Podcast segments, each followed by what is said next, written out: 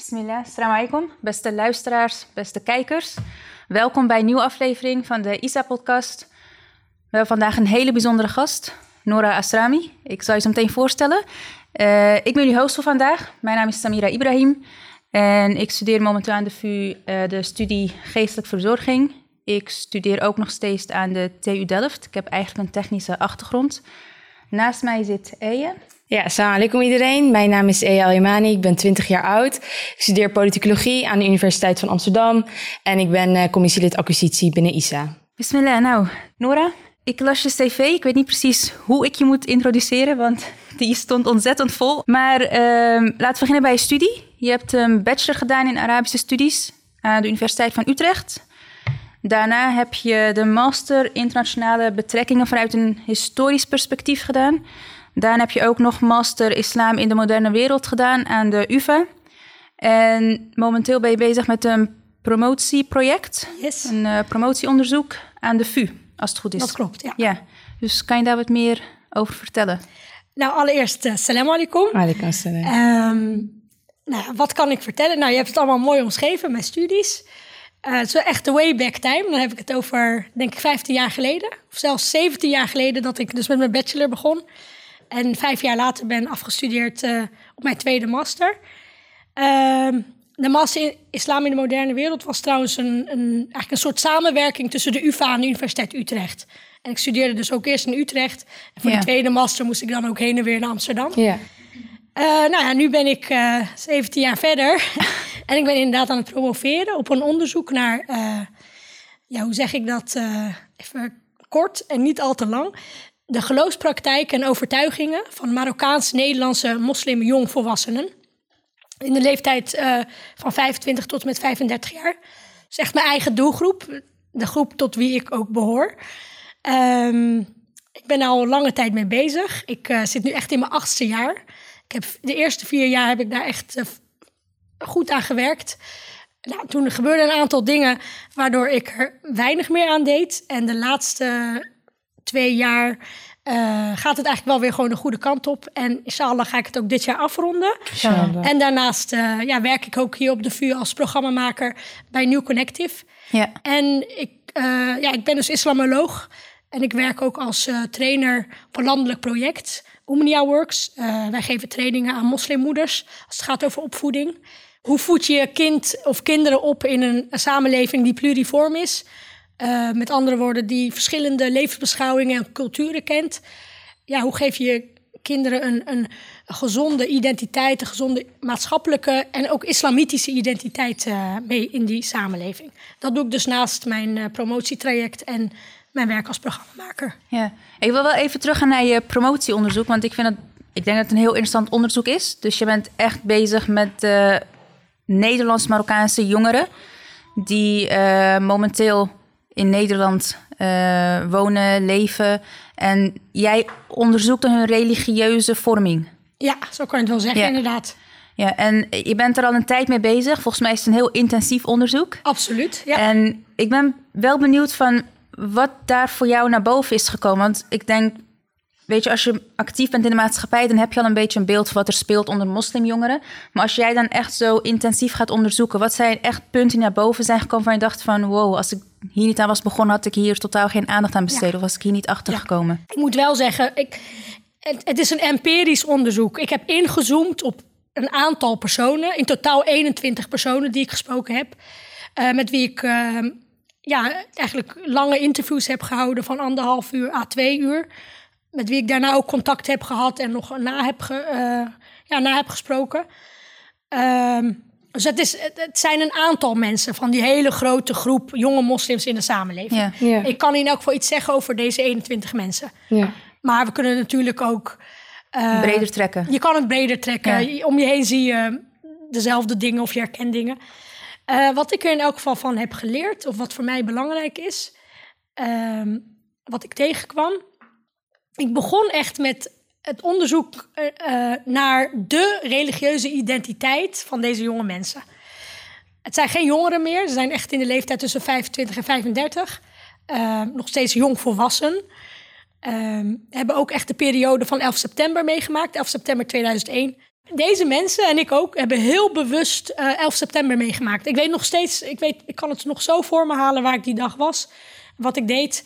En, eh, want het had een enorme impact. Het was de eerste keer dat, dat de islam en het Westen zo pontificaal tegenover elkaar in beeld werden gezet. Echt tegenover elkaar. Ik vind het wel interessant nu dat zegt, want eh, ik was toen zes of zeven, maar ik herinner dat moment nog heel goed. Dat ik eh, uit school kwam en tv ging aan en ik herinner me echt precies waar ik ook stond in de woonkamer. Dus dat zit ook ja. echt in mijn geheugen. Terwijl je nog zo jong was. Het, is dus, het had een enorme impact op ons. En eh, wat ik ook beschrijf in mijn onderzoek, dat was ook echt wel een, een belangrijk omslagpunt eh, in de West-Europese geschiedenis. Eh, in de moderne geschiedenis. Hier in Nederland, maar ook in West-Europa en de Verenigde Staten. En daarna ook in de rest van de wereld. Ja, de islam en het Westen werden echt tegenover elkaar gezet als twee blokken, twee eenheden die allebei statisch zijn, niet vloeibaar, waar geen ontwikkeling of verandering in, in mogelijk is. En dat deed iets met mij en absoluut ook met mijn respondenten. Dus ik wilde na een tijdje, nadat ik mijn islamstudie had gedaan, ehm, en ook nou, daarna op het vlak van de integratie van de moslimgemeenschap in Nederland ging werken, Ja. zag ik een, een, een kloof, een groeiende kloof tussen wat, dat wat ik in de theorie had geleerd. Dat was eigenlijk allemaal kennis, informatie van voor 2001.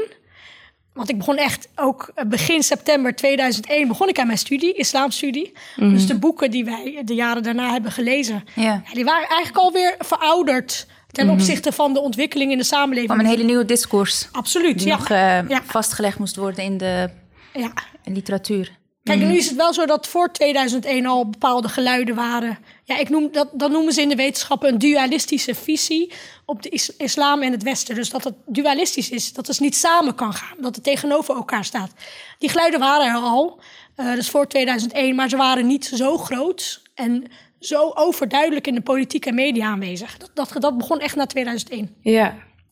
Dus ehm, ik had die eh, theorie opgebouwd tijdens mijn studie. En ik ging daarna dus eh, bij de overheid werken. En ik kwam ook met moslims eh, in aanraking. Ik ben zelf natuurlijk een moslim, alhamdulillah. En eh, je ziet veranderingen, ontwikkelingen. En daar wilde ik iets mee. Ik dacht, ik, ik moet die veranderingen en die ontwikkelingen moet ik vast gaan leggen. En ik, eh, ik dacht ook echt, ik ga dat maatschappelijke debat toch wel eventjes van paper voorzien. Nou, daar ben ik op teruggekomen. Maar ik, ik heb dus wel heel veel geleerd. Eh, ik begon dus met een onderzoek naar religieuze, eh, de religieuze identiteit van deze jongeren, of jonge mensen. Ik wilde eigenlijk, ik had een, een, een, een doel. Ik wilde eigenlijk laten zien dat, of hoe deze jonge moslims eh, moslim zijn, maar ook gewoon in deze samenleving zijn, leven, Nederland als thuisland zien. En hoe ze dat dan met elkaar combineren. Maar al gaandeweg ehm, ik kwam er eigenlijk achter dat een specifieke religieuze identiteit niet bestaat. Natuurlijk hebben we een praktische invulling van, eh, van de islamitische identiteit. Ja. Ehm, daar zijn ook heel veel boeken over geschreven. Ja. Ik zelf heb destijds eh, ja, vooral eh Tarek Ramadan gelezen. Die het echt over een westerse islamitische identiteit heeft. ja, die was ook echt heel populair in die periode. Ja, die kwam toen net tijd. op en die eh, was echt... ehm, Die had echt iets te vertellen. Ja. Eh, maar waar, waar, waar hij het. hij had het dus over een westerse islamitische identiteit. Maar hij had het niet over cultuur. Waar je vandaan komt, waar je ouders vandaan komen. En dat miste ik wel. Want ik kwam dus. ja, mijn respondenten, de mensen die ik interviewde. Die maakten zelf ook onderscheid tussen cultuur en geloof. Van Dit is islam en dit is Marokkaanse cultuur. Maar hoe dan ook was het ergens met elkaar verweven. Heeft het je beïnvloed? De- waar jij vandaan komt, hoe je ouders je groot hebben gebracht, dat beïnvloedt jou in jouw leven. En niet alleen maar hoe je ouders jou grootbrengen, maar ook hoe we vanuit de samenleving zijn beïnvloed. Ehm, als jij als Marokkaans-Nederlandse moslim zegt, of als half Egyptisch, half Nederlandse moslim zegt: Ik ben moslim, dan is daar direct mee verbonden dat je beïnvloed bent vanuit zowel die Nederlandse samenleving als vanuit die culturele achtergrond. ja. Dus jij zegt eigenlijk, je kan een religieuze identiteit nooit los zien van de culturele identiteit en van jouw identiteit als persoon ook, met de invloed van jouw karakter en opvoeding. Nou, je kan het los willen zien. je, ma- hè, je, je mag dat onderscheid maken. Ja. Maar in de praktijk ben je hoe dan ook beïnvloed vanuit, en ik noem dat dan context. Je bent vanuit die context beïnvloed in jouw zijn. Ehm, dus de manier hoe jij je geloof invult, ehm, is ook absoluut beïnvloed vanuit hoe jij eh, hier naar de school, school bent geweest, wat jouw ouders jou leerden vanuit jouw cultuur, vanuit hun cultuur. Dus het is ergens verweven. Ja. En soms eh, heeft het geen spanningsveld. Kan bijvoorbeeld een cultureel element heel mooi samenvallen met een religieus element. Ehm, als we het bijvoorbeeld hebben over gastvrijheid.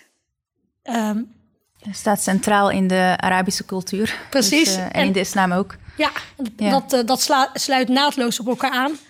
Maar als we het hebben over dubbele moraal, eh, wat betreft seksualiteit, dan kun je zeggen dat, eh, daar hebben mijn respondenten het veel over gehad, Ja. dat het absoluut botst.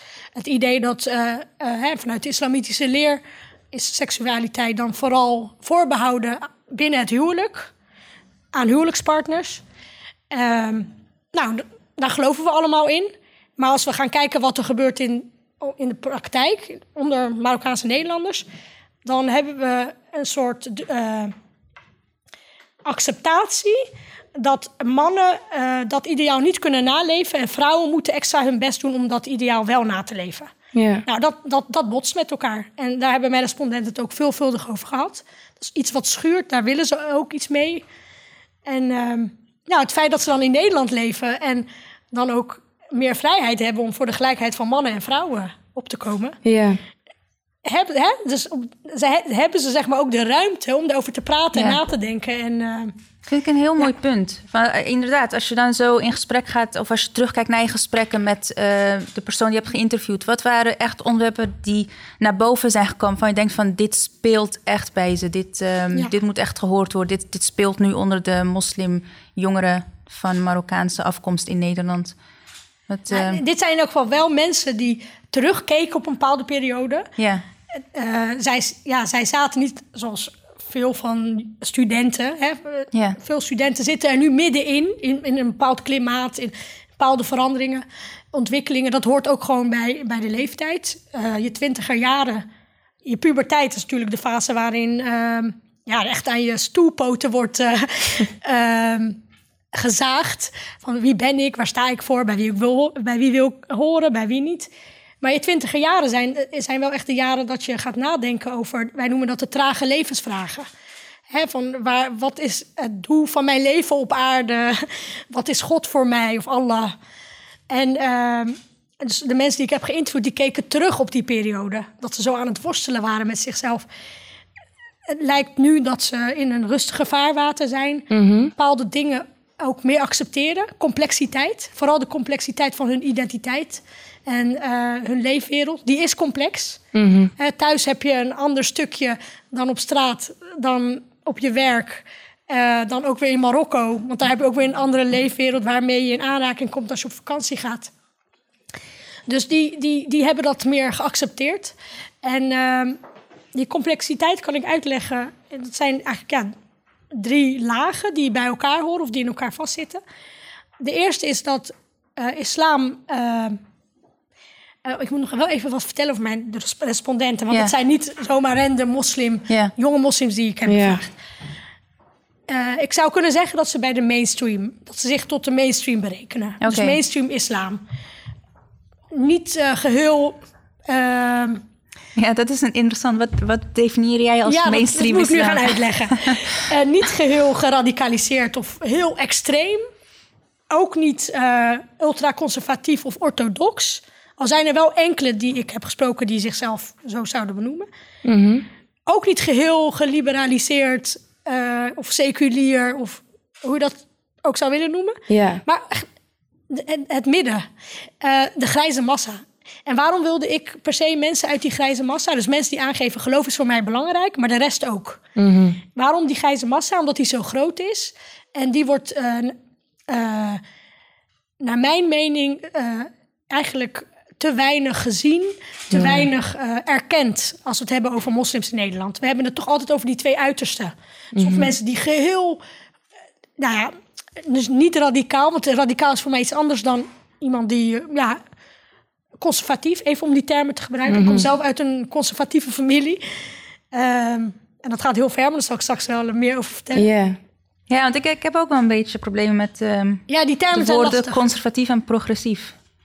Ik Dus, ook, maar ja, eh, we moeten het op een bepaalde manier... Ik heb helemaal een hekel aan het woord gematigde moslims. Ja, ja, maar ook, het is een beetje het idee, tenminste vanuit ehm, ehm, ja, bepaalde islamitische omgevingen, krijg ik een beetje het gevoel dat wanneer we zeggen conservatieve moslim, dat die per definitie meer religieus is dan een progressieve moslim. Ja, Terwijl daar ook heel veel. ja eh, daar hangen allerlei associaties mee. Daar ben ik me ook absoluut van bewust. Maar ook met het woord eh, praktiserende moslim. ja. Weet Ja, je, dat is ook we zouden eh, eigenlijk een... eh, dat probeer ik ook met mijn onderzoek. Om een, een nieuwe definities te vinden.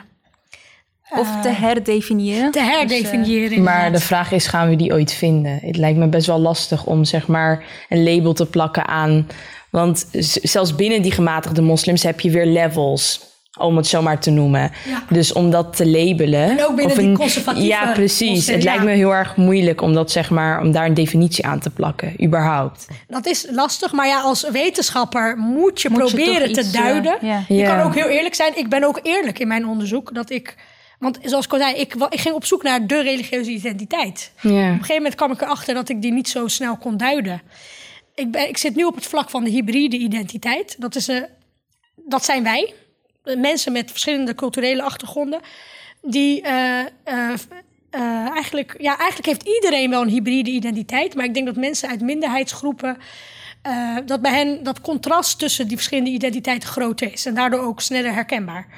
Ehm, ja, de hybride identiteit bestaat uit dus een identiteit met deelidentiteiten. Dus verschillende ehm, ja, invalshoeken, perspectieven, Aspecten. aspecten inderdaad. Cultuur, religie. Eh, cultu- ja, cultureel, religieus, eh, gender. Ook of je vrouw bent of man bent, zegt ook iets over hoe je in het leven staat.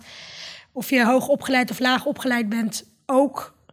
Helaas, al zou ik dat eigenlijk, wil ik natuurlijk iedereen als gelijk zien, maar eh, academisch denken is toch een bepaalde manier van denken die je echt moet leren binnen de HAV, op de HAVO of VWO.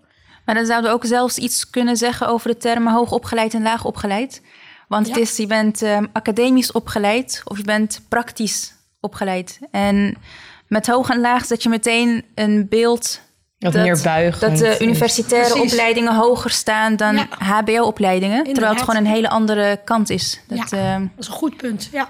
eh, Maar ja, dan is HBO dan ook praktisch opgeleid? je bent veel meer gericht op praktijk. Dus je bent niet zo bezig om Mm. dingen wetenschappelijk aan te pakken, maar je bent gewoon bezig om ehm, Dan zou MBO Bepaalde- dan super, super praktisch eh, ingericht zijn. En dan orthopraktisch. Ja, dat ligt echt aan de studie. Ook bij HBO, dat kan echt heel erg liggen aan de studie. Hangt maar net af wat voor studie je doet. Want daarin zeg maar, zit er ook nog een verschil. Want ik heb bijvoorbeeld ook een jaar HBO gedaan. Had ik bijvoorbeeld één maand vooral projecten... die je misschien Ja. niet op de universiteit zou doen. Eh, maar verder ook heel veel theorie. Dus dat zou niet, dat, ik zou dat niet labelen als praktische studie. Terwijl je- als je misschien een hele andere technische opleiding doet... misschien is dat dan iets anders. ja. Ik wil hier wel even, even een zijwegje. Ik wil hier wel echt even serieus op ingaan. Op dat eh, hoogopgeleide en dat laagopgeleide. Ehm, status. Ik merk voor- onder veel jonge mensen en ook jonge moslims dat status heel belangrijk is. Je studieachtergrond. Ehm, ja, het wordt eigenlijk ook wel vaak ingezet om neer te kijken op anderen. En of dat anderen naar je opkijken, terwijl jij dat misschien zelf helemaal niet wil. Eh, ik, ik pleit er echt voor om kinderen en jonge mensen te motiveren, vooral te doen wat ze leuk vinden. Waar ze achter staan, waar ze passie voor hebben. In plaats van je moet, eh, hoe hoger eh, je, je niveau haaf. Ik zie het onder veel jonge Marokkaanse ouders. Dat ze hun kinderen heel erg stimuleren om voor het hoogste te gaan. HAVO, VWO. En eh, zo'n kind werkt zich dan helemaal... Ja, hoe zeg je dat netjes? dat is, Hoeft, ja, niet, hoeft niet te werkt zeggen. zich kapot. en ehm, ja, het is daarna ook gewoon nog heel erg moeilijk als het dan vervolgens naar de middelbare school gaat en naar de universiteit vanuit HBO. Eh, ik, we moeten daarvan af. Maar dat vond ik heel interessant aan wat jij aan het begin vertelde. Van, ik zag bepaalde veranderingen in de maatschappij. En die wou ik graag vastleggen. Dus dat dat jouw uitgangspunt is geweest om te promoveren. Ik heb niet in jouw verhaal gehoord van ik wilde graag professor worden of ik wilde promoveren. Het was echt van ik zag bepaalde dingen in de maatschappij. Ik dacht hier wil ik iets mee, dus toen ging ik studeren. En dat, dat vind ik ook mooi een beetje te benadrukken van zo gaat het proces eigenlijk. Dat je eh, om je heen kijkt, eh, dat je vragen hebt en dat je daar dan iets mee gaat doen. En voor sommigen is dat iets doen, eh, een bedrijfje opzetten. Voor sommigen is het een project beginnen en voor sommigen wordt dat een promotieonderzoek. Dus, nou ja, ik, ik, ik heb nieuwsgierigheid, absoluut. Eh, ik, ik ben nieuwsgierig naar dingen. Ik wil ze uitzoeken. Ik ben ook nieuwsgierig naar mensen. Ik hou echt van mensen. Ik ben echt een eh, mensenmens. is wel te merken aan je. Ehm, maar ik, ik moet toegeven dat ik ook die dokterstitel, die vond ik ook mooi. Aan het begin van mijn promotietraject. Omdat ik ook dacht van, met die titel zullen mensen mij ook serieus nemen in wat ik te vertellen heb. Maar eh, na een aantal jaren dacht ik, ik heb dit echt onderschat. En toen ben ik er ook helemaal op teruggekomen. Want toen heb ik mezelf eigenlijk ook gewoon in de spiegel... Ik moest mezelf in de spiegel aankijken en mezelf vragen... voor wie doe jij dit eigenlijk? Doe je dit voor jezelf of doe je dit voor anderen? En het was ook absoluut voor anderen. Ehm, ja, zo ben ik ook, denk ik, grootgebracht of zelf groot geworden. Dat ik, eh, dat ik bevestiging zocht van anderen. Dat niet alleen maar van mijn familie of van vrienden, maar ook van de samenleving. Ik vond dat ik pas goed was als eh, mensen mij belangrijk vonden. En toen ik dus erachter kwam dat dat dus eh, ja, een externe drijfveer was... toen wist ik ook dat ik dat niet meer wilde, want het maakte, maakte mij niet gelukkig. En hoe heb je dat omgezet? Ik vind dit wel echt een heel interessant punt. Want eh, ehm, ja, ik heb zelf ook heel veel mensen om me heen die aan het promoveren zijn. En ik, ik merk dat heel veel personen die komen met die vraag te zitten op een bepaald moment. En dan heb je altijd, je hebt twee wegen. Of je stopt ze weg en je gaat gewoon door als een robot. En dan heb je na een jaar je titel. Of je gaat jezelf echt even in de spiegel aankijken. Net zoals jij zegt, van echt serieus nemen. Maar dan weet je ook dat je bepaalde. eh, dat je een weg in gaat slaan die misschien. die niet pijnloos is, laat ik het zo zeggen. Dus ik vind het wel interessant om daar. Ja, was zeker niet vertellen, pijnloos. Ik weet zeker dat veel mensen Ja. daarmee zitten. Dat, eh, Ja, en ik denk eh, dat we daar ook gewoon eerlijk over moeten zijn. Ja. Kijk, ik, ik ben ook een dertiger. Ik kom ergens vandaan. En ik moet daar eerlijk over zijn. En niet alleen voor mezelf, maar ook, ook naar de jonge mensen die na mij komen. Ehm, ehm, ik, heb geprobeerd om als een robot door te gaan. Maar dat kon niet. Ik echt, eh, het leven smakte gewoon in mijn gezicht. En toen koos ik voor de andere weg. Maar dat, het is zacht uitgedrukt als ze zeggen dat hij niet pijnloos was. Die was echt behoorlijk pijnlijk. Die heeft ook echt wel drie, vier jaar gekost. En nu pas kan ik denken, alhamdulillah, eh, ik heb er wat voor teruggekregen. Ik, ik kan, het feit dat ik er gewoon eerlijk over kan vertellen, dat, dat maakt me gewoon blij. ja. Dat maakt me gewoon absoluut blij. Dat ik aan iedereen kan zeggen: luister, misschien heb je het hartstikke moeilijk. eh, maar er komt een moment dat je verder kan kijken. En eh, zoek ook hulp. Want ik heb dus hulp gezocht. Ja. Ik dacht eerst echt dat ik het alleen moest doen. Mhm.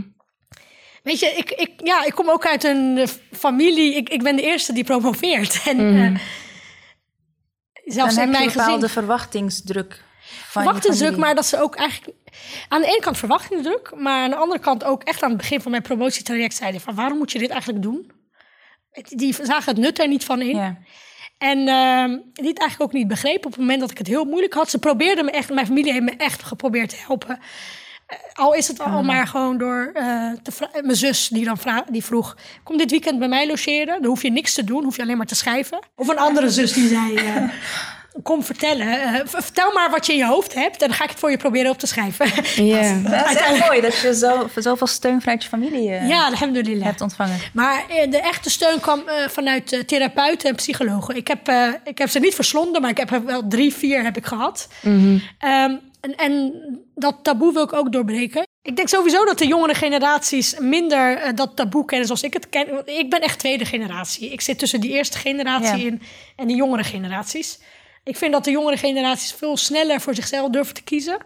Dingen voor zichzelf durven te doen. Ik was echt nog... eh, ja, het, het heeft me echt 30 jaar gekost voordat ik dat eindelijk dat kwartje kon laten vallen. Zelfs 31 jaar. Eh, op een gegeven moment wist ik, ik moet hulp hebben. En ja, de, om me heen eh, krijg je dan vragen als van... Ja, maar je bent toch niet gek? Of je bent zo'n slimme meid. Hoe kan dit nou? Dat jij eh, depressief bent of er doorheen zit. Of een burn-out hebt of wat Of een dan ook. burn-out. Ja. eh. Helemaal op bent. Hey, tuurlijk kan je het wel. Nee hoor, je moet gewoon even rustig eh, op het strand gaan zitten... en eh, v- s'avonds lekker weer doorgaan, want je kan het. Het was veel dieper. En het feit dat ik mezelf ook afvroeg van... hoe komt het dat ik hier niet uit kan komen... dat, eh, dat sloeg me echt neer. Ja. Dus op een gegeven moment heb ik, ben ik naar de huisarts gegaan. Heb ik eh, mijn probleem voorgelegd. En ik weet nog dat ik heel erg schaamde. En dacht ook van, ja, ze zal me niet begrijpen. En, maar ik was gewoon vijf minuten aan het vertellen van, ja, ik... eh, dit- Ze zei, oh, wacht even, je zit tegen een burn-out aan. Eh, nee, dat kan niet. Een burn-out, de mensen met een burn-out, die, dat zijn toch mensen die echt op hoog niveau elke dag 40 uur aan het werk zijn. En 40 uur binnen, binnen 24 uur. Zei ze, nee, nee. Ga jij maar met een psycholoog praten en het komt dan goed. En eh, nou, dat heb ik toen gedaan. De eerste psycholoog die, eh, die leerde me dat ik niet magisch kan denken. magisch denken. Want eh, ik, ik geloofde lange tijd ook, dat komt ook door mijn culturele context, dat, ehm, dat ik bepaalde dingen aanvoerde en zag. Ehm, ja, hoe moet ik dit uitleggen? Want dit is wel lastig, hè? Of dat ik beter dingen zag. Ik dacht dingen te zien die er niet waren. Want als jij. eh, even terug naar mijn kleine community. Ja. Want ik heb geen gro- grote gemeenschap om me heen. Ik heb mijn familie en vrienden. Als je, als je dan eh, jong bent en eh, in Marokko bent of met Marokkaanse familie. en je hebt het over dat het niet goed met je gaat. Of mensen zien dat het niet goed met je gaat. Dan wordt er iets te snel gegrepen op. ehm, We hebben iets misgedaan. Of we zijn tekort gekomen. Als Of familie. er moet iets met jou aan de hand zijn. In de zin van eh, de paranormale wereld. De bovennatuurlijke wereld. Jinn of het? Dat is wel echt Ma- Marokkaanse cultuur, hè? Dat Absoluut. staat echt centraal binnen Ja, Marokkaanse ja, cultuur. joh, de ene in ogen, boos het boze oog. Ruqya en dan... eh, ja. ja. En eh, ik ben daarin grootgebracht. En eh, dat heb ik op een gegeven moment geïnternaliseerd. Dus als ik me even rot voelde... kon ik al gauw denken van... eh, er is iets mis met mij aan de hand. Misschien is er een gene in de buurt. Wij Ja, dan in ja. het Marokkaans. Ja. Of... ehm, Met. Misschien heeft iemand wat bij mij gedaan. Mooi, maar bilem in een shaitani. Eh, ik, op een gegeven moment wist ik wel dat... Ik weet, het is een onderdeel van de cultuur. Maar als je daar te diep... Tuurlijk, islamitische leer heeft het daar ook over. Maar het is een, Ja. een klein aspect. Terwijl wij hebben het in de Marokkaanse cultuur opgetrokken en heel groot gemaakt. Ja, ook En- even interessant punt. Want ehm, ik, ik doe dus geestelijke verzorging momenteel. Mhm. En dat, zie je, dat is ook echt een punt wat centraal staat binnen de geestelijke verzorging. Onder moslims met een Marokkaanse achtergrond. Mhm. Dat die het eh, heel vaak niet kunnen bevatten dat er andere. of accepteren dat er iets anders kan zijn dan jinn en sihr. En, eh, Nou ja, is wetenschappelijk ook aangetoond dat schizofrenie, eh, narcisme, ehm, wat nog meer, ja, borderline. Je hebt van alles. Depressies, je hebt, je hebt van alles. Dat, best wel eh, veel voorkomt onder Marokkaanse Nederlanders. En niet alleen onder die eerste generatie, maar ook de jongere generaties. Maar ik hoop dat wij dat op een gegeven moment achter ons gaan laten. Want het maakt, het maakt kapot. Want als jij, waar ik dus op een gegeven moment achter kwam, dat als jij het probleem altijd maar buiten jezelf legt, Neem je geen verantwoordelijkheid? je neemt geen verantwoordelijkheid en de kans op herstel en genezing is, die wordt zo klein, die, wordt, die is er op een gegeven moment gewoon niet. Als je het omdraait en gaat bedenken van nou, het kan iets in mij zijn, de manier hoe ik denk, hoe ik naar het leven kijk, ehm, misschien hoe ik naar de wereld kijk, bepaalt ook hoe wat het op mij afkomt of wat ik zie, wat je aandacht geeft, dat groeit. En dat, dat is wat die eerste psycholoog mij dus leerde. Jij, jij kan niet magisch denken. Dat je denkt van eh, iets is zo en zo. Er zijn heel veel dingen waar je helemaal geen vat op hebt. Je hebt, je hebt bewuste opvattingen over jezelf, overtuigingen, maar je hebt ook heel veel onbewuste. En ik, nou, de, de tweede therapeut, op een gegeven moment is het ook klaar. Hè? Dan heeft iemand je geholpen, heeft je iemand ergens gebracht. En is het geld van de verzekering ook gewoon op? En dus ik, ik geloof dat eh, er is een, eh, een boek, ik denk dat jullie het misschien wel kennen. Eh, Wees niet bedroefd van eh, Ja, Aydel Karni. ja, Dr. Waid al-Karni. Ja. Eh, die zegt, een mens heeft een coach nodig in zijn leven. Wie dan ook. Of je nou grote problemen hebt of kleine problemen. Iedereen zou wel een coach moeten hebben. Die met hem eh, eh, kan, op zoek kan gaan naar andere perspectieven. eh, andere invalshoeken. Ja. Want soms kan een mens echt zo diep in zichzelf vastzitten. Dan moet er iemand zijn die hem daaruit kan trekken. En dat is wat psychologen doen en, en therapeuten. En dat zien we ook als we kijken naar het leven van de profeet Mohammed sallam. Ehm ja, dat is een profeet, meest volmaakte mens. eh, in ehm, ook openbaring ontvangen. En toch had hij zijn vrouw nodig, Khadija, Ja. als eh, ste- steunpunt. Dus, ehm, en dat is iets wat, eh, wat, wat te veel nog ook onder in de islamitische samenlevingen speelt. Van als je moslim bent, dan moet je geloof genoeg zijn. En als, dat, eh, als je dan eh, nog moeite hebt of je hebt problemen, dan is jouw geloof zeker niet zo, eh, niet zo sterk. Of dan, Nee. Dan zit is jouw iman niet sterk. Ja, dan zit er iets mis Ja. met je geloof. Met Ja. je, Ja, dat, dat, dat speelde dus ook bij mij in die tijd een rol. Dat ik dacht, mijn, im- het- mijn iman is niet sterk genoeg. Daarom overkomen dit, dus deze dingen mij. ja, Je maakt jezelf gek. ja. Nou, en, en die therapeuten die hebben mij absoluut geholpen om verder te gaan.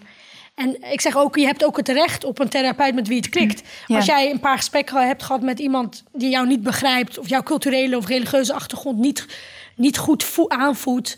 dan heb jij het recht om een nieuwe te zoeken. Dat zeg ik ook tegen jonge mensen om me heen. Een mooi punt ook, want eh, had jij een islamitische psycholoog of islamitische therapeut in die periode? Of, eh, Nee, nee ik heb er dus, eh, even kijken hoor... ja, dus vier in totaal gehad. ja, allemaal niet islamitisch. Maar ik heb daarnaast dus, dat, dat wilde ik nog aan toevoegen. Ja. Ik heb daarnaast altijd ook islamitische geestelijke verzorging eh, eh, erbij gedaan. Ik vroeg deze vraag omdat het is alhamdulillah heel erg opkomend dat ehm, eh, veel meer moslims zijn de studie psychologie gaan doen. Het is ook heel erg opkomend dat moslims echt professionele psychologen worden.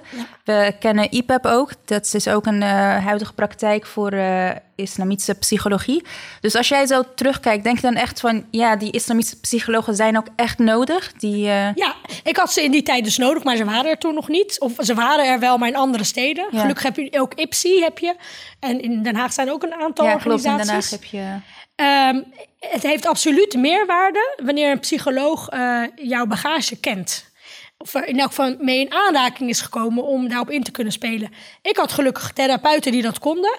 Alhamdulillah. Alhamdulillah, inderdaad. Ehm, en ehm, ik denk voor nu eh, dat er dus gewoon moslimpsychologen zijn en geestelijk verzorgers. Ja, is absoluut belangrijk. En ja, ook om die, die drempel naar eh, geestelijke zorg ook te, ver- te verkleinen of te verlagen voor, voor jonge moslims. Ja. Nee, die- Ja. die- en die moeten ook, het, sterker nog, dat aantal moet ook gewoon groeien. Want eh, we hebben niet alleen maar voor jonge mensen die een quarterlife crisis of die eh, allerlei crisissen hebben, hebben we zulke mensen nodig, maar ook bijvoorbeeld eh, relatietherapeuten. Eh, als we kijken naar eh, islamitische huwelijken, hè, wat daarin Ja. gebeurt. En we hebben, daar, we hebben daar echt eh, professionals voor nodig. Ja. Ja. ja, want je gaf zelf aan, je had en een therapeut, maar je had er ook altijd een geestelijke verzorger naast. En niet, niet specifiek geestelijke verzorger, maar eh, ja, ik gooi geestelijke verzorging. Daarmee bedoel ik dus rokia, hijama. Ja. Ik heb beide heb ik eh, regelmatig gedaan. Mhm. Heerlijk. ja. Maar het was niet, eh, het was niet voldoende. Zeker. Ik moest ook die gesprekken daarnaast hebben. Ja. En andersom ook. Die gesprekken waren ook niet voldo- voldoende. Ik moest ook iets lichamelijks doen. Mhm. Ik ging op een gegeven moment ook yoga-cursussen volgen. Ja. eh, mindfulness. En dat zijn ook gewoon dingen die je ook op, eh, op andere vlakken in je leven kan gebruiken. Dat, het heeft ook allemaal weer met ontspannen te maken. Daar wil, ik eindigen, dus dat ga ik nu niet, daar ga ik nu niet over vertellen. Maar je kwam net bij, eh, je benoemde het al. Je vertelde over eh, New Connective. Je bent volgens Ja. mij sinds 2015 las ik, ben je daar programmamaker. Zover ik weet zit New Connective ook hier op de campus van de VU. Ja. Dus kan je ons daar wat meer over vertellen? Heel graag. Ik heb vandaag ook bij New Connective gewerkt. Woensdag en vrijdag zit ik daar altijd. Ja, echt. eh, het is dus iets wat ik naast mijn eh, andere dingen, banen doen, doe. En het is echt geweldig. Het is echt. ik ga helemaal stralen als ik het over heb. Ik zie het. Nee, het is echt een geweldige plek, werkplek. Eh New Connective is een platform, een interlevensbeschouwelijk platform, opgericht vanuit de faculteit Religie en Theologie en de Protestantse Kerk Amsterdam. Het is een soort vervanger van het oude studentenpastoraat. Eh, ja, dat is dus een pastoraat, christelijk-geestelijk verzorgers die er voor de christelijke studenten in Amsterdam altijd waren. Als zij ergens mee zaten, eh, mentale problemen of daar terecht. bepaalde levensvragen, dan konden ze daar terecht. Ja. Nou, New Connective is daar dus een vervanger van. In de modern jasje, zeggen wij graag. zeggen. Eh, wij wij, wij steken het dus breed in. Ons team is heel divers. Wij, ik, ik werk er als islamoloog, als moslim. Maar we hebben ook een eh protestantse studentendominee of studentenpastor... die ook als dominee werkt. Eh, we hebben een remonstrantse vernieuwingspredikant. Eh, we hebben een humanistische counselor, een raadsvrouw. En we hebben een collega die aangeeft zoekende te zijn. Dus we zijn heel breed in. in wij, zijn, wij, wij zijn heel breed georiënteerd, Heel divers ook. divers. Ja. En what we practice is what we preach. Ehm, onze activiteiten zijn dus ook echt breed, heel divers. Wij proberen met iedereen rekening te houden. Lukt niet altijd. Ik bedoel, eh, ja, waar dialoog is tussen mensen van verschillende achtergronden, er zijn soms ook botsingen. Maar uiteindelijk komen Hoort er ook bij. Ja, Het eh, is onderdeel van het proces. absoluut. En, maar daardoor komen we ook dichter bij elkaar. Het is net als een, eh, een relatie. En dan kan je ook met elkaar botsen. Maar als je die verschillen overkomt of die botsing, dan mag je elkaar nog meer daarna of zo. Ja, ik zeg ook altijd op het moment dat ehm, op het moment dat er ruimte is voor de overeenkomsten, maar dat er ook ruimte is voor onze eh, tegenstrijdigheden of de punten waarop we botsen, dan komt er ook veel meer respect naar boven voor de punten waarop we verschillen. Maar dat kan alleen als er heel duidelijk is vastgesteld op welke punten komen we samen, op welke punten niet. En dan kan je veel meer ruimte creëren op die punten waar je samenkomt. Want je hebt gewoon bepaalde grenzen van tot hier en verder hoeft het ook niet. We hebben vandaag bijvoorbeeld eh, een. eh, wij, noemen, wij noemen dat dan Hurry Less, Read Slow, Love Edition hebben we georganiseerd. Wij, wij organiseerden dit dus als een soort van onthaasten. Samen teksten lezen uit verschillende tradities. Eh, we hebben Plato behandeld. Ik heb vanuit de islamitische traditie iets over liefde verteld. Vanuit jouw perspectief, wat is de toegevoegde waarde voor moslimstudenten die aan de VU studeren, die ze kunnen vinden bij New Connective? Ja. En wat is ja, de boodschap die je hun mee wilt geven om, naar, ehm, om meer met New Connective bezig te zijn? Ja. Nou ja, de core business van New Connective eh, is eh, coaching. Dus geestelijke verzorging bieden aan ehm, studenten van verschillende achtergronden. Dus ook moslimstudenten. Nou ja, ontmoetingen dus. Ontmoetingen met studenten van andere achtergronden.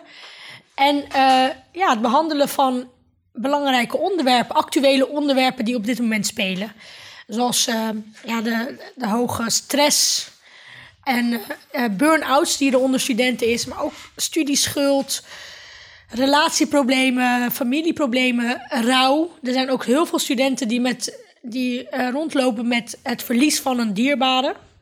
Dit zijn onderwerpen die voor ons als New Connective eh, belangrijk zijn. Dus ik denk absoluut een toegevoegde waarde voor de moslimstudenten hier op de VU, maar ook Amsterdam breed. Want we zijn niet alleen maar voor de VU, maar ook voor de studenten van de UvA en hogescholen. Dus wij richten ons echt specifiek op studenten van hogescholen en universiteiten hier in Ja. Amsterdam. Ja, ik denk echt die coaching, die geestelijke verzorging. Ja. Ik had het al eerder over dat een, een coach, een, een psycholoog, een therapeut altijd goed is Ja. om eh, naartoe te gaan. Als, je, als, als het allemaal boven je hoofd uitstijgt. Als je er niet alleen uit kan komen. En zelfs al heb je mensen om je heen die je zouden kunnen helpen. Een objectief of neutraal persoon die naar je wil luisteren is altijd fijn. En eh, ja, wij bij New Connective bieden we dat aan. En ehm, ja, wij zeggen dus, eh, onze coaches hebben allemaal een geestelijke verzorgende achtergrond. Ja, ik dus als islamoloog, mijn islamitische achtergrond, ik, ik, ik, ja, ik, ik kan moslimjongeren verder helpen. Ja. Maar ik ben, ik ben er ook voor jongeren van an- andere achtergronden. Want wij zeggen dus eh, bij New Connective... eh, wij willen je niet een bepaalde richting opduwen... maar wij helpen je om jouw eigen richting te vinden. Want wij geloven dat elke student wel ook... eh, dat is ook echt het doel van geestelijke verzorging... is om de antwoorden in jezelf te vinden. Dus het is niet zo dat we je onder, onder druk zetten... of een bepaalde psychologische methode toepassen. Het is echt luisteren en vragen stellen om jou verder te helpen. Ja. En het is kosteloos. Oh, dat is een heel belangrijk punt voor studenten. Ja, absoluut. Het kost, alles kost veel geld in deze tijd. Als student, ja, genoeg studenten die met studieschuld rondlopen. heb ik ook gehad in mijn tijd. Ja. Eh, toen ik afgestudeerd was, eh, eh, gelukkig had ik dan een familie die mij echt onder druk gingen zetten om die studieschuld af te betalen. Het waren een paar duizend euro. In deze tijd zit je al heel gauw boven de 10.000 euro, want het is allemaal duurder geworden. De basisbeurs is verlaagd. Ja. Het is hartstikke moeilijk. Ja, Geeft ook heel veel stress. Dus nou, je, je bent altijd welkom bij ons om kosteloos eh, een gesprek aan te vragen. Heel mooi. En eh, we zitten ook op woensdagmiddag van half twee tot vijf uur. Zitten we in 3D op de campus van, eh, van de VU. Ja. En hebben we gewoon inloopspreekuur. Dan kan je zonder dat je ons hebt gemaild of gebeld, kan je gewoon binnenlopen. En dan kunnen we kijken of we ter plekke een gesprek met je hebben. Of dat we een gesprek met je inplannen voor de dagen daarna. Ja. Ja. Heel mooi. En ik had, ja, je bent, ehm, je bent al heel lang bezig op de VU. Eh, zowel met New Connective als je promotieonderzoek. en je bent ook een beetje VU geworteld, zou, zouden we kunnen zeggen. Eh, je bent ook moslim. En volgens mij ben je ook best wel actief op het gebied van eh, dialoog van de VU. En kijk ehm, eh, naar de visie van ontwikkeling van moslimstudenten op de VU. En mijn vraag is eigenlijk, als je dan zo kijkt naar de huidige situatie nu, van hoe eh, moslims aanwezig zijn op de VU en de studentenverenigingen die we hebben, hoe zie jij dat de komende tien jaar ontwikkelen? Zie je positieve ontwikkelingen? Zie je problematische ontwikkelingen? Ja. Zie je obstakels? Nou, allereerst, ehm, ja, ik hou echt van de VU. Ik, eh, de VU vergeleken met andere universiteiten in Nederland vind ik het echt een, een, een fijne universiteit voor Ja. studenten van verschillende achtergronden en met name ook voor moslimstudenten. De cijfers zijn denk ik niet exact, maar ehm, tien jaar geleden waren het volgens mij nog vijf tot 10 procent moslimstudenten. Dat is zeker wel gegroeid. Absoluut. Dat, nu zien we eh, echt, als je in de grote hal van de VU Ja. aankomt, dan volgens mij is het 20 tot 30 procent moslim. Ja, zeker. Dat is echt gegroeid. Dat, En jullie eh, als ISA hebben dat natuurlijk ook meegekregen. Jullie aantallen leden zijn ook gegroeid. Dus in die zin, er is echt ruimte eh, voor moslimstudenten. Ehm, ook, hè, we hebben natuurlijk ook een islamitische gebedsruimte. Maar aan de andere kant, met groei eh, gaan, zijn ook groeipijnen. eh, gaan groei, met groei gaan groeipijnen gepaard. En eh, kijk, de VU heeft ook altijd gezegd: wij staan voor, of al zo heel lang zegt de VU, wij staan voor diversiteit. Nu is, ehm, die heeft die discussie, of dat gesprek, heeft een, een, een verdiepende laag gekregen. Maar wat is dan diversiteit? Is diversiteit dat je gewoon een aantal mensen bij elkaar zet van verschillende achtergronden en dan klaar? Of is het ook, gaat het verder? Is het echt samenwerken met elkaar? Inclusiviteit. Inclusiviteit, Dus, eh, ja. inclusieve diversiteit. Of soms wordt het ook als superdiversiteit genoemd. Ehm, en in die fase zitten we nu. Eh, inderdaad, eh moslimstudenten nemen toe. Eh, ik denk ook studenten van andere achtergronden eh, neemt ook toe. Ja, hoe ga je daarmee om? Ehm, als je dingen tegenkomt die moeilijk zijn. Die ook misschien pijn doen voor de christelijke identiteit van de VU. Eh, kan ik me heel goed voorstellen dat bepaalde dingen schuren, lastig zijn voor, voor VU breed. En wat is dan vanuit jouw perspectief, wat zijn... ehm, ja, ik ga die vraag van twee kanten stellen. Dus als we dan zo kijken naar de situatie... je zegt er zijn ook pijnpunten voor de VU met hun christelijke achtergrond. Wat is vanuit jouw perspectief stappen die de VU hoort te nemen... en wat zijn stappen die vanuit de eh, moslimstudenten moeten komen... om Ja. tot een goede, inclusieve Universiteit. aanwezigheid Ja, ja. te, te komen? ja, nou ja, allereerst, ehm, ik kan het heel groot maken. Ik, weet je wat het is? We hebben het over een relatie. En een relatie tussen, eh, zeg maar, we chargeren het nu even tussen moslimstudenten en de universiteit. Ja. Elke relatie, of het nou tussen een familierelatie is, of, is moeilijk. In, in elke relatie wordt gezocht naar eh, waar vinden we elkaar en waar niet. En kunnen we dan samen verder gaan of niet. Ik denk dat moslimstudenten en de VU absoluut samen gaan. Al het feit, door het feit dat we zo ver zijn gekomen. Eh, en ik denk dat, dat, we, dat de VU en moslimstudenten absoluut met elkaar in gesprek moeten blijven, in dialoog. Ehm, eh, in gesprek om elkaar te begrijpen, om dingen uit te proberen. Wat ik ook al eerder had gezegd, soms kom je op een punt dat je zegt, nou, hier kunnen we niet samen gaan. Nou, dat kan, dat is best. En soms kom je op een punt dat je zegt, we kunnen water bij de non-alcoholische wijn doen. Dat Bij de gewoon eerst. wijn. halal wijn. Ehm, en dat is een- niet alleen voor de VU een uitdaging, maar ook absoluut eh, voor moslimstudenten en ook voor mij als, als moslimmedewerker. Ik, is dat een uitdaging? Eh, hoe ver kun je gaan? In, eh, soms houden we heel erg vast aan iets. En dan kijk, je- ben je tien jaar verder en kijk je terug en denk je... waarom was dat een punt? Of, Ja. Oh, ja, oh ja, het was daarom een punt. Want het is zo belangrijk in mijn leven. Ja, en je komt er alleen achter door met elkaar in gesprek te zijn... en dingen echt uit te proberen. Het is echt vallen en opstaan. Dus jij bent een voorstander om eh, dialoog echt aan te gaan tussen moslimstudenten en eh, bestuur van de VU om samen. Ja, als, als het bestuur van de VU daarvoor openstaat, absoluut. Zonder communicatie eh, hè, kom je er gewoon niet. En ik heb zelf heel veel dialoog, vooral interreligieuze dialoog in de praktijk geoefend. Ja. Ik heb aan allerlei projecten meegedaan. Ehm, eh, onder andere eh, het Europese project voor interreligieus leren met moslim- en ja, christenvrouwen. ik zag het op je cv staan. Vanuit heel Europa en Ja. ook vanuit de islamitische wereld, vanuit Libanon en, en eh, Bosnië deden daar ook dus maar vrouwen aan mee. Ik heb daar echt ongelooflijk veel van geleerd. Ik weet nog dat toen ik er net in ging, dat was in 2011. Ik ging echt als een soort, ik was, ik, eh, ik, ik was een verdediger, een advocaat van de hele islamitische wereld. Echt, het, het was wel of ik, ik voelde gewoon die moslimwereld op mijn schouders. Die moest ik dragen en verdedigen. en eh, dat, ja, dat, dat voelde gewoon zo. Maar op een gegeven moment kwam ik erachter dat, dat dat eigenlijk niet mijn doel is en moet zijn. Ik ben maar een mens. niet je doel of niet jouw verantwoordelijkheid? Niet jouw. Allebei niet. Dat, Ja. Het moet zowel niet mijn doel als mijn verantwoordelijkheid zijn. Ik kan alleen maar verantwoordelijk zijn voor wat ik over mezelf kan vertellen. En ook wat ik als islamoloog om me heen zie. Ik kan niet namens een hele islamitische wereld spreken. Plus, mijn doel moet zijn dat ik mezelf, eh, dat, ik de, dat ik de ander leer kennen en dat de, de ander mij leert kennen. Dat is uiteindelijk mijn doel van dialoog. En het mooie is dat als je het niet meer. In het begin heb je het over dogma's, hè? Ja. de christelijke islamitische dogma's. En al gaandeweg hadden we het over eh, onze persoonlijke geloofservaringen. En het mooie was dat we daar elkaar in vonden. Ik, ik weet nog dat eh, één deelnemster, Marleen Purmer, die wil ik ook hier echt met naam en toenaam noemen.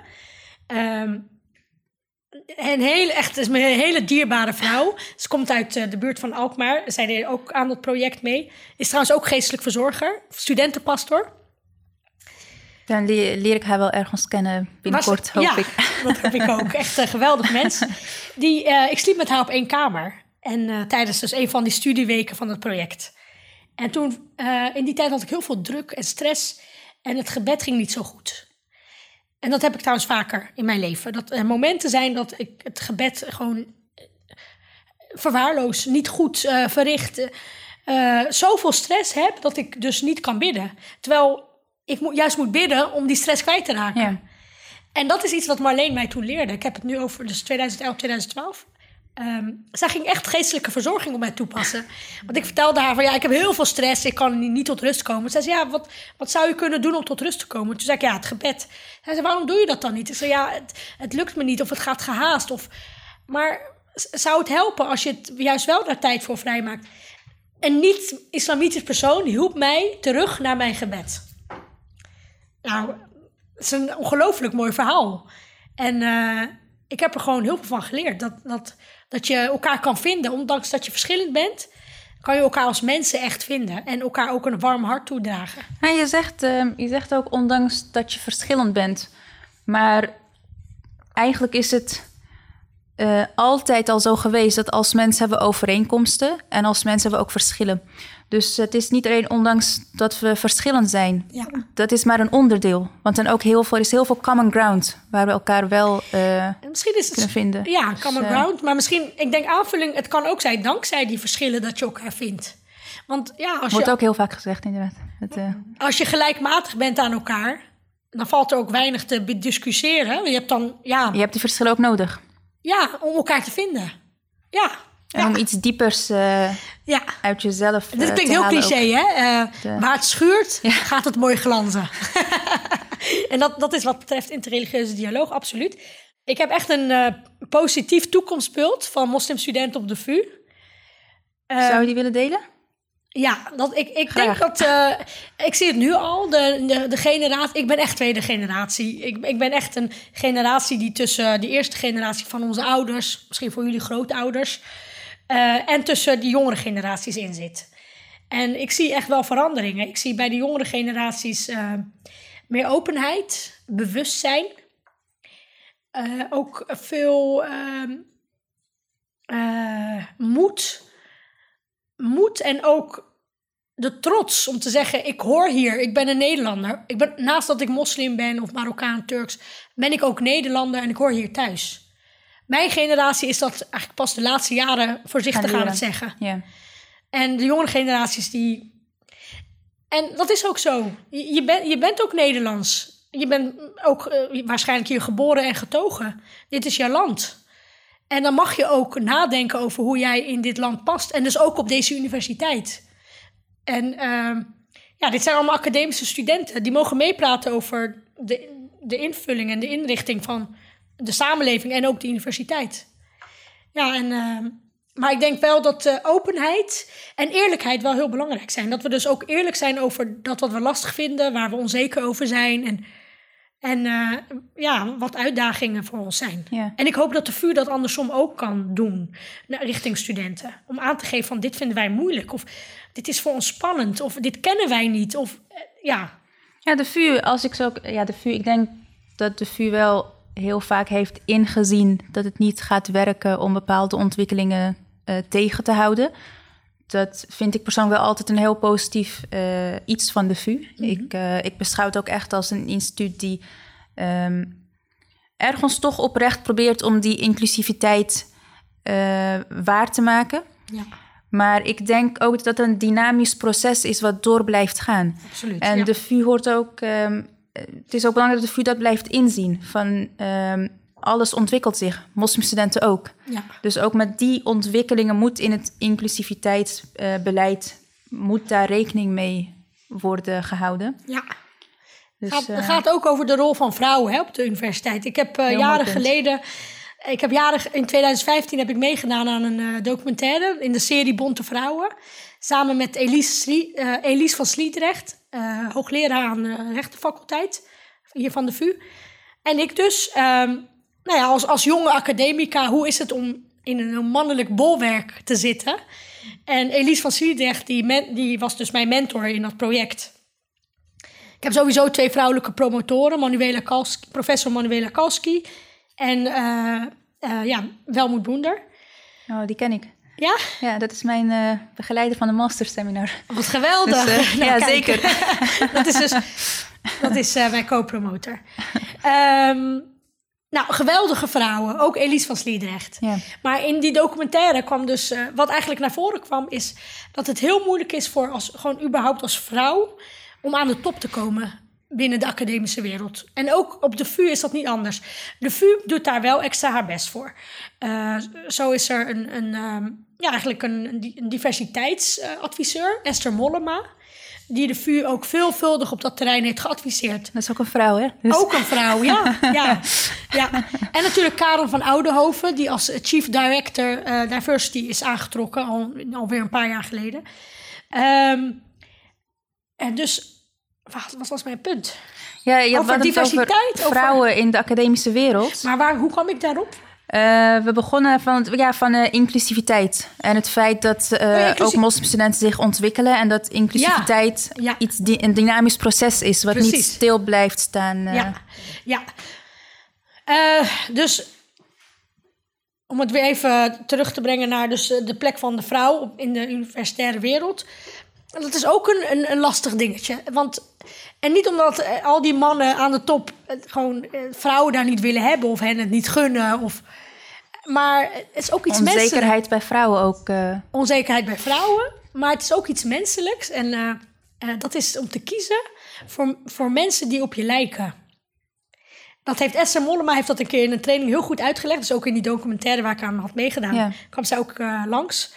Dat mensen kiezen ook bij sollicitatiegesprekken eerder voor mensen die op hen lijken omdat dat gewoon herkenning geeft, veilig is. Dus mannen op topposities. Hè, vaak zien we een zaal vol met grijzige mannen en grijze pakken. Waar, die zitten daar omdat ze voor elkaar kozen. Dat geeft herkenning en veiligheid. En eh, dat moeten we gaan doorbreken. Als vrouwen, maar dus eigenlijk ook als moslims. Ja, Ehm, dat is een, ook een punt Ja, waar ik graag meer van jou over wil horen. Want je bent heel actief hier op de VU. Je bent inderdaad aan het promoveren. Je zit echt in de academische wereld. Je bent moslim. Hoe, ervaar jij dat persoonlijk? vanaf het begin dat ik, dat het is nu alweer zeven jaar geleden dat ik eh, aan de VU verbonden ben.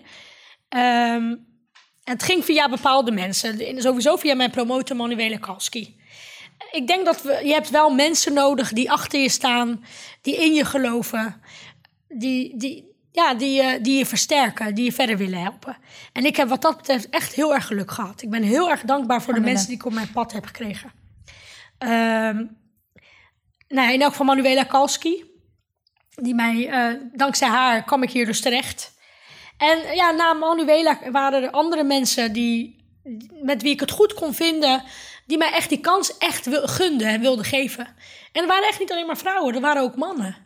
Dus er zijn mensen, je kan, als jij bezig bent met iets waar je passie voor hebt en waar je in gelooft. En ik zei het al eerder, als je iets doet wat je echt leuk vindt, Allah opent wegen. Allah opent wegen. Allah brengt mensen op je pad die jou verder helpen om jouw doel te, om jouw doel, eh, te vervolmaken. Eh, als jij iets half-half doet en eigenlijk niet eens weet waarom je het doet, subhanallah, dan gaat het vaak ook, loopt Ja. het, verloopt het rommelig. Het loopt niet, of soms is gewoon iets niet oké of goed voor je. En dan gaat het ook weg uit je leven. Maar op de een of andere manier, eh, ik ben dus zeven jaar verder en ik ben nog steeds op de VU. En het wordt alleen maar leuker. en, eh, en ja, die mensen die, eh, die in mij geloven, die, die zijn er. Die zijn hier. En aan de andere kant wil ik ook, nu wil ik het overnemen. Ik wil ook hier in, mensen, in jonge mensen geloven. En ze, en ze helpen en ze begeleiden en- en coachen. Ja. Ik En- wil het verder brengen. Hoe zie jij, we hebben het gehad over de toekomst van moslimstudenten op de VU in het algemeen, maar eh positie van de moslimvrouw in Nederland in de academische wereld. Hoe zie je dat ontwikkelen? Ja. Of hoe hoop je dat te zien Ja. ontwikkelen? Nou, ik vind het echt geweldig om al die vrouwelijke moslimstudenten hier te zien. Er zijn ook meer vrouwen dan eh, mannen. En volgens mij over het algemeen zijn er meer stu- vrouwelijke studenten dan mannelijke studenten. Als het gaat over eh, de plek van moslimvrouwen in de academische wereld. Ik zie steeds meer vrouwelijke moslimpromovendi. Ik heb ook echt eh, een viertal vriendinnen die ofwel gepromoveerd zijn of aan het promoveren zijn. Dus het neemt echt toe. En alleen, ehm, ik denk dat we nog wel binnen de islamwetenschappen meer promovendi, vrouwelijke promovendi nodig hebben. Eh, dus ook in de moslimtheologie. Ja. Er zijn een aantal namen hier in Nederland die, geweld, die het echt goed doen. Maar we hebben meer vrouwen nodig die Ja. meepraten en meedenken. Want zoals ik al zei, er is zoveel kennis binnen de islamitische bronnen, islamitische wereld, die we nog niet eens kennen Ja. waar we, die we moeten uitlichten. Ook om onze positie als vrouwen, maar ook als moslimmannen, ja, eigenlijk te, te versterken. En dat, eh, daar hebben we gebrek aan. Dus ik heb weer een boodschap van de luisteraars. Hartstikke fijn. Ehm, je kan echt eh, aan elke, bijna aan elke universiteit in Nederland islamwetenschappen studeren. Ook op HBO-niveau zijn er ook islamstudies. Grijp die kans. Het er gaat de wereld voor je open. En wie weet eh, waar jij over tien jaar bent. Wil jij nog graag iets meegeven aan de studenten die kijken, die luisteren? Ja, absoluut. Ehm, eerst maakte ik heel groot in mijn hoofd van ik wil ze echt iets eh, intellectueel meegeven. Maar ik hou het heel simpel. Iets wat ik heel erg nodig had tijdens mijn eigen studietijd, eh, maar niet kon. Ik heb het pas eigenlijk de laatste jaren geleerd. En dat is eh, ontspan. Alsjeblieft, ontspan. En eh, ontspannen kan, kan heel eenvoudig ehm, door een wandeling te maken.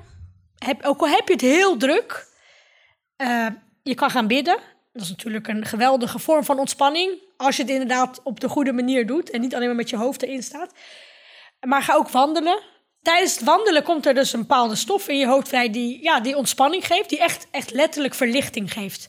Ik ervaar het zelf als ik echt, maar dan moet ik wel echt een uur wandelen.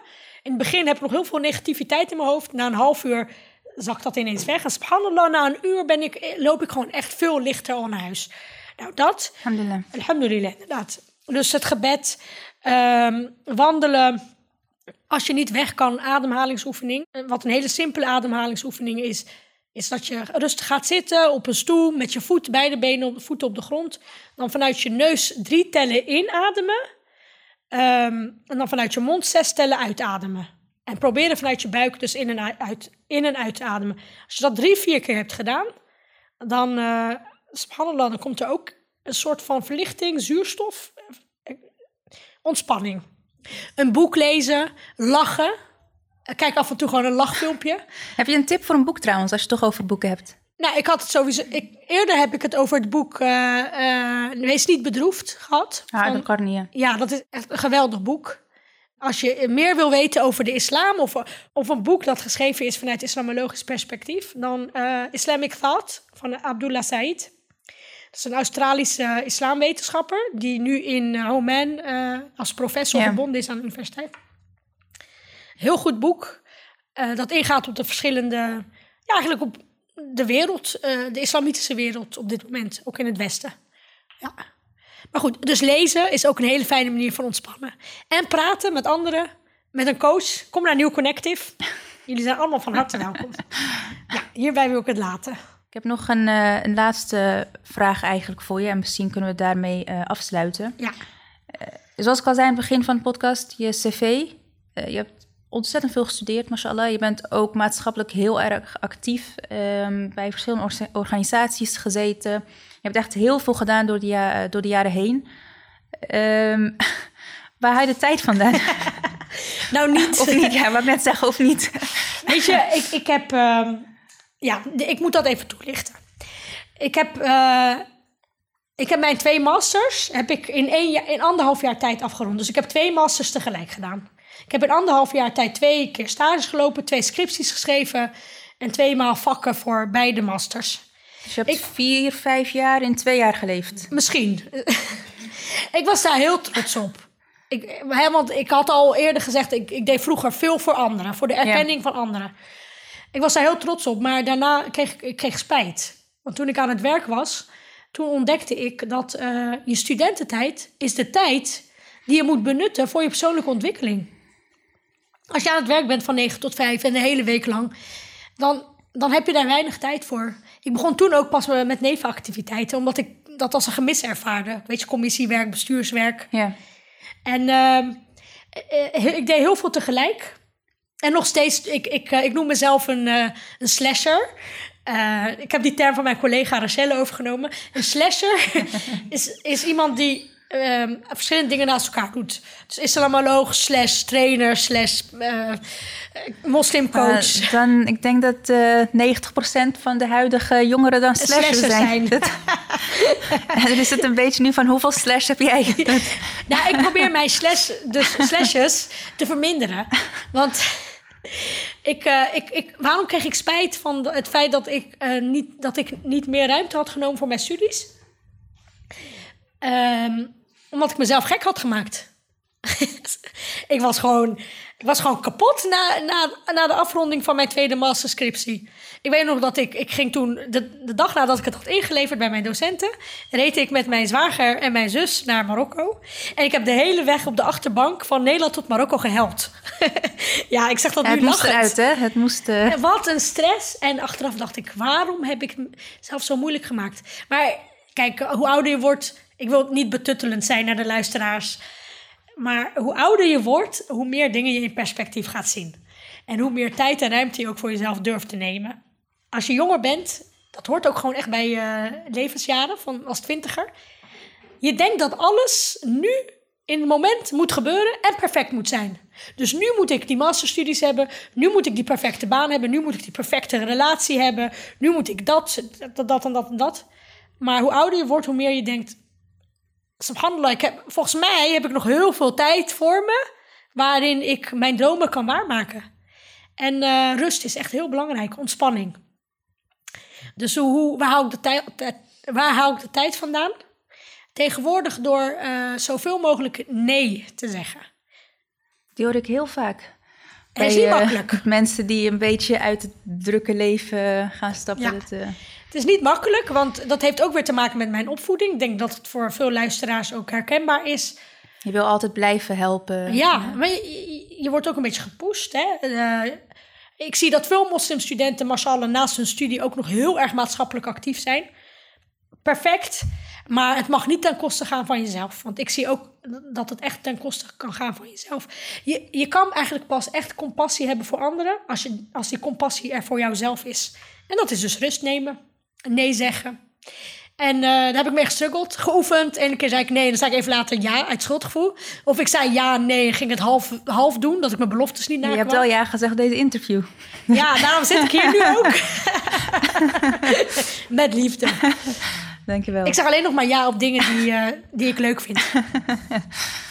Noor, ik heb echt nog ontzettend veel vragen voor je. En ik weet zeker dat uh, als we geen tijdlimiet hadden, dan had ik wel echt nog uren met je door kunnen spreken.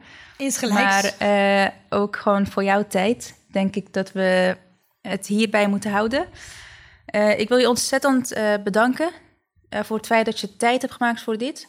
Maar vooral voor het feit dat je zo open bent geweest.